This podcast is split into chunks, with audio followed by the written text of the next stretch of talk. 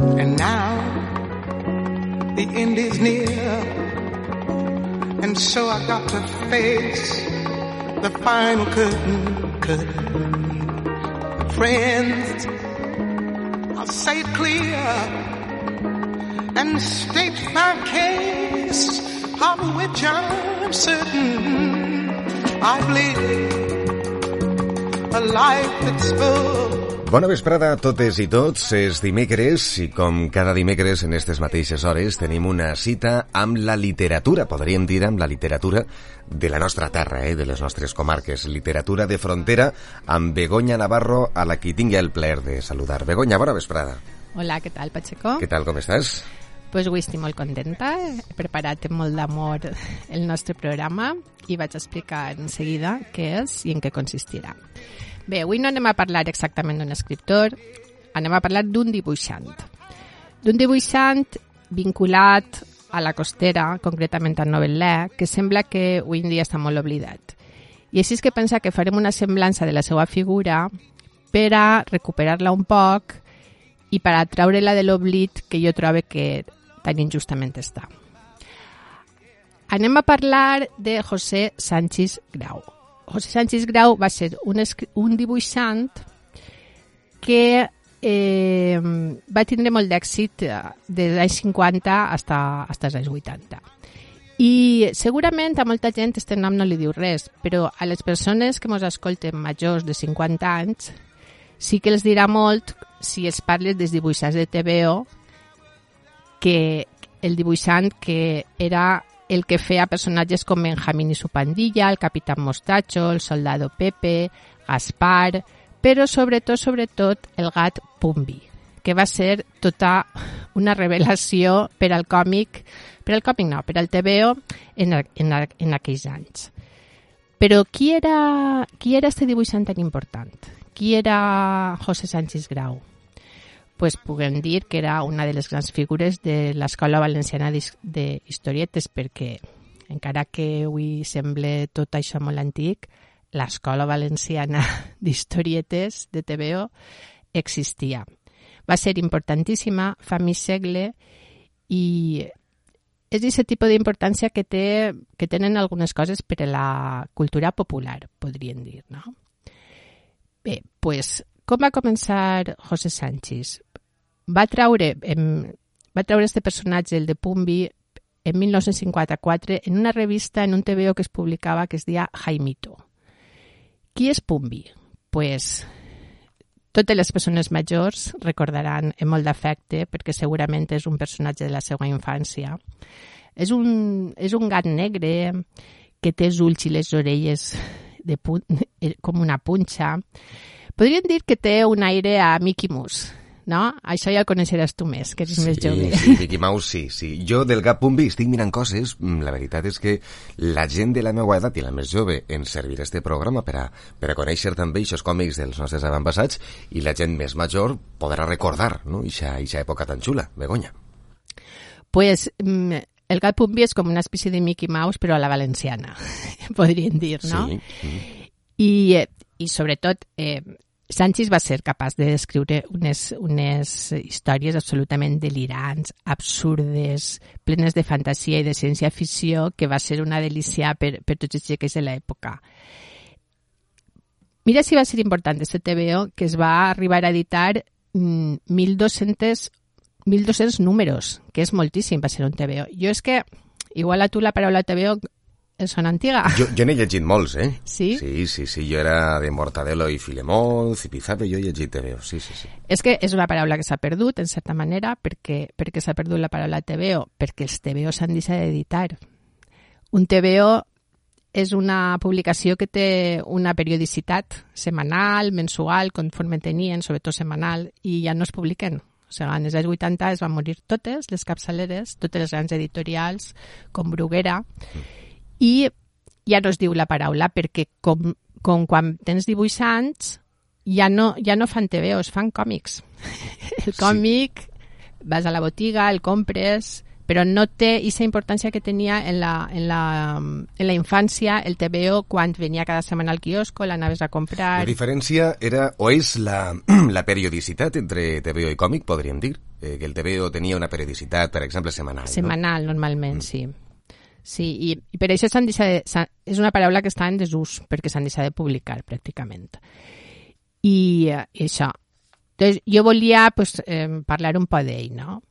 Eh, el, el gatet este, Pumbi, va passar, o sigui, en inspiració americana, però molt, molt d'ací, va passar de ser un gatet, primer a ser un supergatet, superpumbi. És a dir, es va convertir en un superheroi, com tots els superherois de Marvel, els americans. I què feia? pues, després de la ingestió de suc de taronja... Valencià a tope. Tenia superpoders.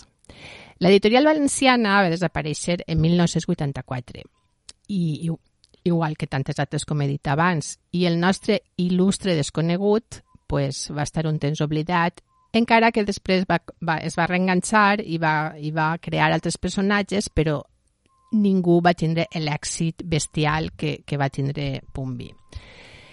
Bé, jo a mi, som, a mi em resulta un poc dolorós, um, un poc dolorosa la història d'este de, dibuixant perquè és gran entre els grans i trobe que li s'ha de posar en el seu lloc. I n'hi ha un deute en les institucions valencianes en este, en este en esta persona perquè no és normal que siga tan sumament desconeguda. Jo mateixa li diré Pacheco que vaig estar investigant un paper novel·lè, perquè jo sé que té la família allí, vaig, vaig aconseguir localitzar alguns familiars, em, vaig saber que el, jo que sé, el club de jubilats porta el seu nom, fa un, uns anys li van fer el programa de festes, ell va fer la portada, però jo vaig veure que no és conegut ja, o sigui, ni, ni tan sols en, en, en novel·la que estava tan vinculat, ja és algú que s'està oblidant.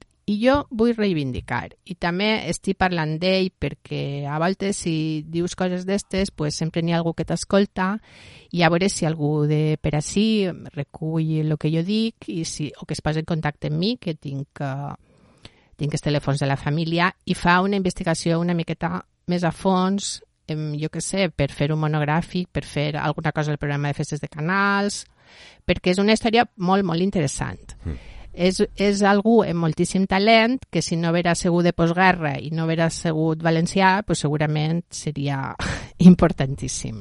No fa massa que va faltar tampoc, no? No, no, el 2011. 2011, vull dir que 2011. fa poc temps. I, i per què creus eh, qui és el responsable d'eixe oblit? El, el pas del, del temps que no perdona o tal volta la dissídia de les institucions en donar-li eh, tota la força que es mereixia, Sánchez? Jo crec... Mm, jo crec que són diverses coses. Una seria, això que es diu en castellà, nadie es profeta en su tierra, eh? nadie es profeta en su tierra, que pareix que... I una altra crec que és el canvi del temps. És a dir, mm, coses que fa 30 anys o 40 eren importantíssimes, com eren els TVOs, han deixat de tindre importància. I, per tant, la societat ho oblida.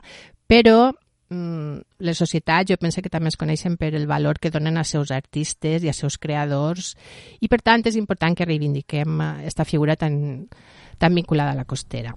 Parlem algunes més coses d'ell. Per exemple, eh, per no dir que tot s'ha fet malament, clar, en 1988 la Diputació de València va fer una exposició itinerant de, del gat Pumbi, i també va haver un periodista, que va, Antoni Busquets, que va escriure un llibre que es diu La fantasia infinita, que recull un poc, eh, la, la, fa una semblança d'ell. També en 1997 va ser guardonat amb el Gran Premi del Saló del Còmic de Barcelona. Vull dir, va tindre un cert reconeixement. Però tu pensa que el valor que tenen aquestes històries eh, no ha per, per el per l'artístic era el seu dibuix o els guions que eren tan enginyosos i tot això, sinó tu pensa que quan estos dibuixants feien aquesta feina no existia internet. Per tant, els dibuixos tot costava infinitament més de fer, moltíssima, moltíssima més feina, no? I treballaven pues, en, en la postguerra, en unes condicions...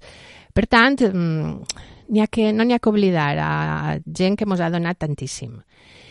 Bé, en el 2001, en el 2001 va guanyar un juí contra l'editorial valenciana, que era l'editorial que tenia els drets de Pumbi, perquè ell no els, no els havia tingut.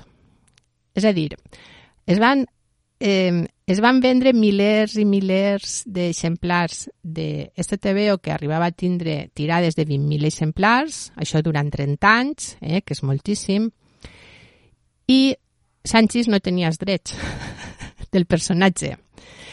Te pots imaginar, no?, lo que, lo que és això. Per tant, eh, va portar als tribunals a la seva antiga editorial i finalment va guanyar el juí. Però jo, la meva reflexió, la tristíssima reflexió, és que això va ser al final de la seva vida. O sigui, haver pogut estar forrat, literalment, i no, no va ser d'aquesta manera. De totes maneres, jo el diré que els que per treball amb... Ens hem relacionat molt en escriptors, per la feina eh, sempre n'hi ha molta... Sol haver una mala relació entre les editorials i els escriptors, perquè un escriptor realment no sap mai quan, quan l'editorial és exemplars que ven. Tu, a tu el fan un contracte i el diuen el pagarem tant per llibre. Tu has de creure. Te ho has de creure. Has de creure, sí. Em poden vendre 40.000 i dir-te que n'han vengut 4.000 i te ho has de tragar i jo a lo llarg de la meva vida he conegut moltíssims escriptors que senten literalment estafats Eh? Ja. I ahir, jo no sé si serà la Societat General d'Autors Editors o, o qui, eh, no se porta un control de les vendes, cada llibre venut, se deixa rastre, se deixa registre, això no es pot controlar de cap manera. És un món, és un món molt misteriós. Per exemple, a tu quan, quan publiques un llibre posa, en, el, en, en la, posa primera edició, vale? posa primera edició eh, 2002, però ningú sap mai una edició quants llibres té. És a dir, les editorials no el diuen les, una edició quants llibres té.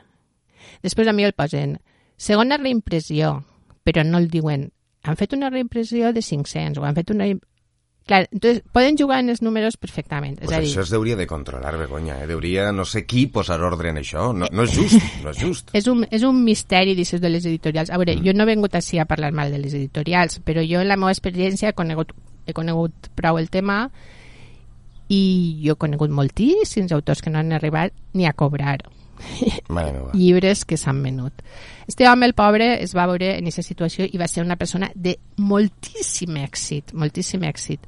No sé realment els diners que va guanyar o va deixar de guanyar, perquè això heu dit al futur investigador canalí, eh, que, que farà una investigació de la seva vida en novel·la i sabrem de la part humana i familiar que jo no he arribat a investigar, m'ha quedat a les portes perquè ha pensat que, que és algo que m'agradaria que algú fera molt bé, doncs per... deixem ahir en safata ixa proposta.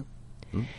Bé, eh, anem a veure. Bones notícies. Pues com a bona notícia, eh, puguem dir que que per fi una editorial, encara que siga mallorquina, vull dir que no s'ha fet en València, s'ha fet en Mallorca, una editorial que està especialitzada en uh, còmics, ha recuperat i ha tornat a editar en una preciosa edició tots els, tota la col·lecció de Pumbi que serà llarguíssima.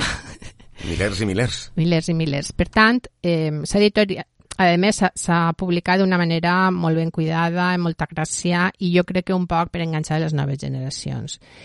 Jo a voltes, mm, o sigui, que algú recupere personatges com Pumbi, que han sigut tan importants per tants xiquets, eh, no sé si Vull, vull pensar que darrere d'esta editorial mallorquina també n'hi ha gent romàntica que, que sap que, que n'hi ha moltíssims, moltíssimes persones que no hem oblidat este gat que tant ens va donar en la infància.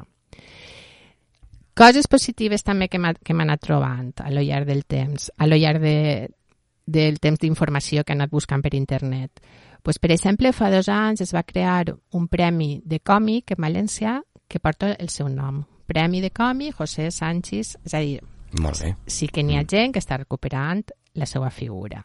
També m'ha trobat, segur que d'algun alcalde nostàlgic, en Manises m'ha trobat tot un passeig i, el, i en el Museu de la Ceràmica ple de, ser, de socarrats, de taulellets en la figura de, de Pumbi, feta per xiquets d'avui en dia, no? Mm. En les seues aventures... Estava llegint que en el Parc Ceràmic d'Història Valenciana de Manises, sí, hi ha una espècie de taulellet, no?, on Pumbi mostra el tresor de Villena, en un, en un de tants, no?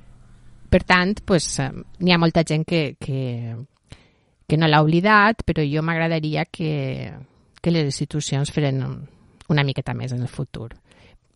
Bé, Després també, com a cosa anecdòtica, m'ha fet gràcia eh, veure una foto del, del Cementeri General de València on està enterrat, la làpida on està enterrat eh, José Sánchez, que està allí. I n'hi ha pues, un dibuix de Pumbi presidint la seva làpida negra, saps, i arbre de cementeri, pues el supergat Pumbi allí, molt graciós i molt salau posat allí, que també va fer gràcia, perquè, clar, és la manera d'identificar-ho si algú va si algú va al cementeri.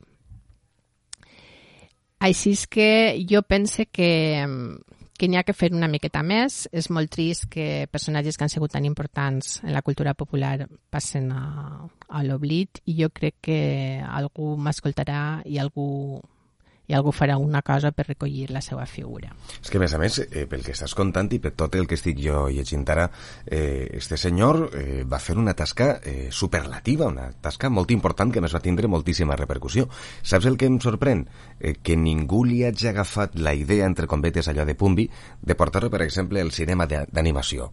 Mm, igual seria interessant una, una pel·lícula d'animació per a xiquets de Pumbi he trobat un xicotet vídeo en YouTube d'alguna col·laboració de l'antiga Canal 9, mmm, alguna coseta, en, en, um, en, en, en alguna productora americana. He trobat alguna cosa, però ha deixat de ser popular, o sigui, per la gent jove no es coneix i, per tant, hem d'ajudar per a que es conega una miqueta més. Si jo tinc 36 anys i no sabia qui era José Sánchez Grau, eh, no sabia que era Pumbi, eh, algú ha fallat en eixa cadena, no? en eixa eslabó dels anys que ha fet que no arribara fins a la nostra generació. Pues jo, jo crec que hem entrat en l'era digital i, i s'ha oblidat un poc tot l'anterior, però jo crec que també s'està recuperant. M'ha fet molta gràcia de una, una anècdota que he llegit per internet mm, dient com el dibuixant reivindicava sempre eh, el seu cognom Sanchis. És a dir, tu saps que molta gent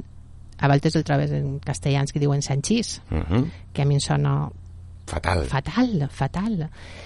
I, i, i, i un cognom que estan d'ací, no? I, i que li diguem Sanchis, és Sanchis, Peris, Llopis, ningú diu Llopis ni ningú diu Peris, doncs el Sanchis quan poses la tele des de Madrid s'empenyen en dir Sanchís. No sé per què.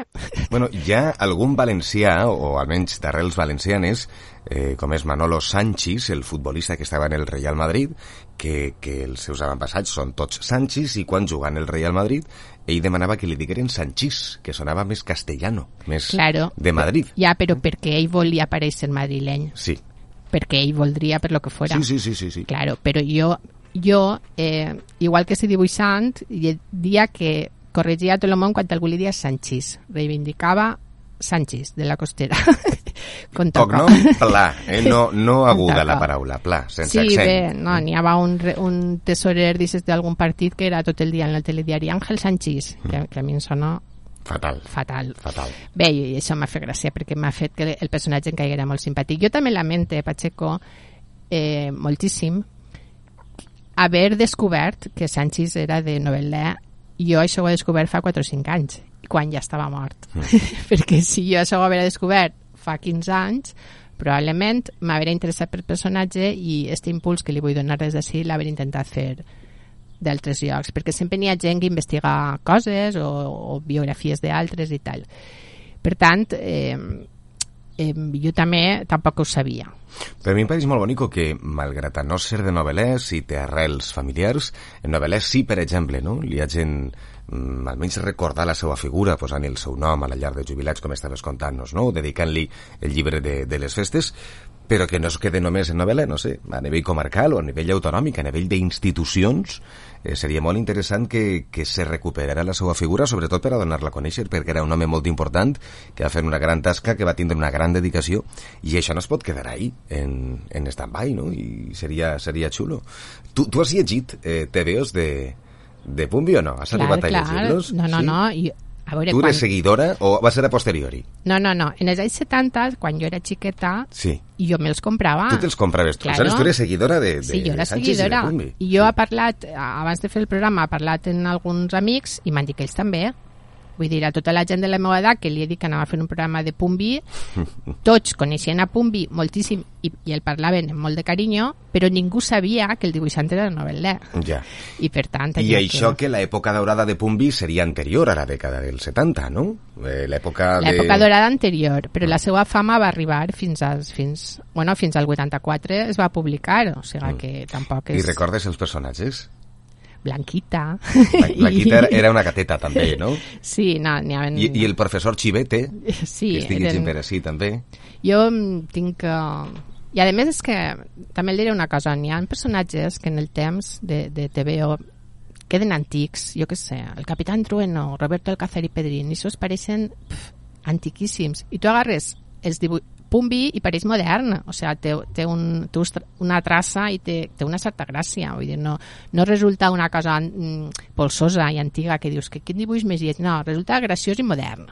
Mhm. Eh, ah, que sí? Sí, sí, sí, la veritat és que sembla inclús mm, estrany, no?, que, que tinga aquest disseny siguent de l'època que és. Des del 50, veritat? Eh, pareix que siga molt més modern. És modern, és Eh, modern. estic llegint així, mm, molt interessant. Eh, saps com va començar el tema de Pumbi en el seu cabet?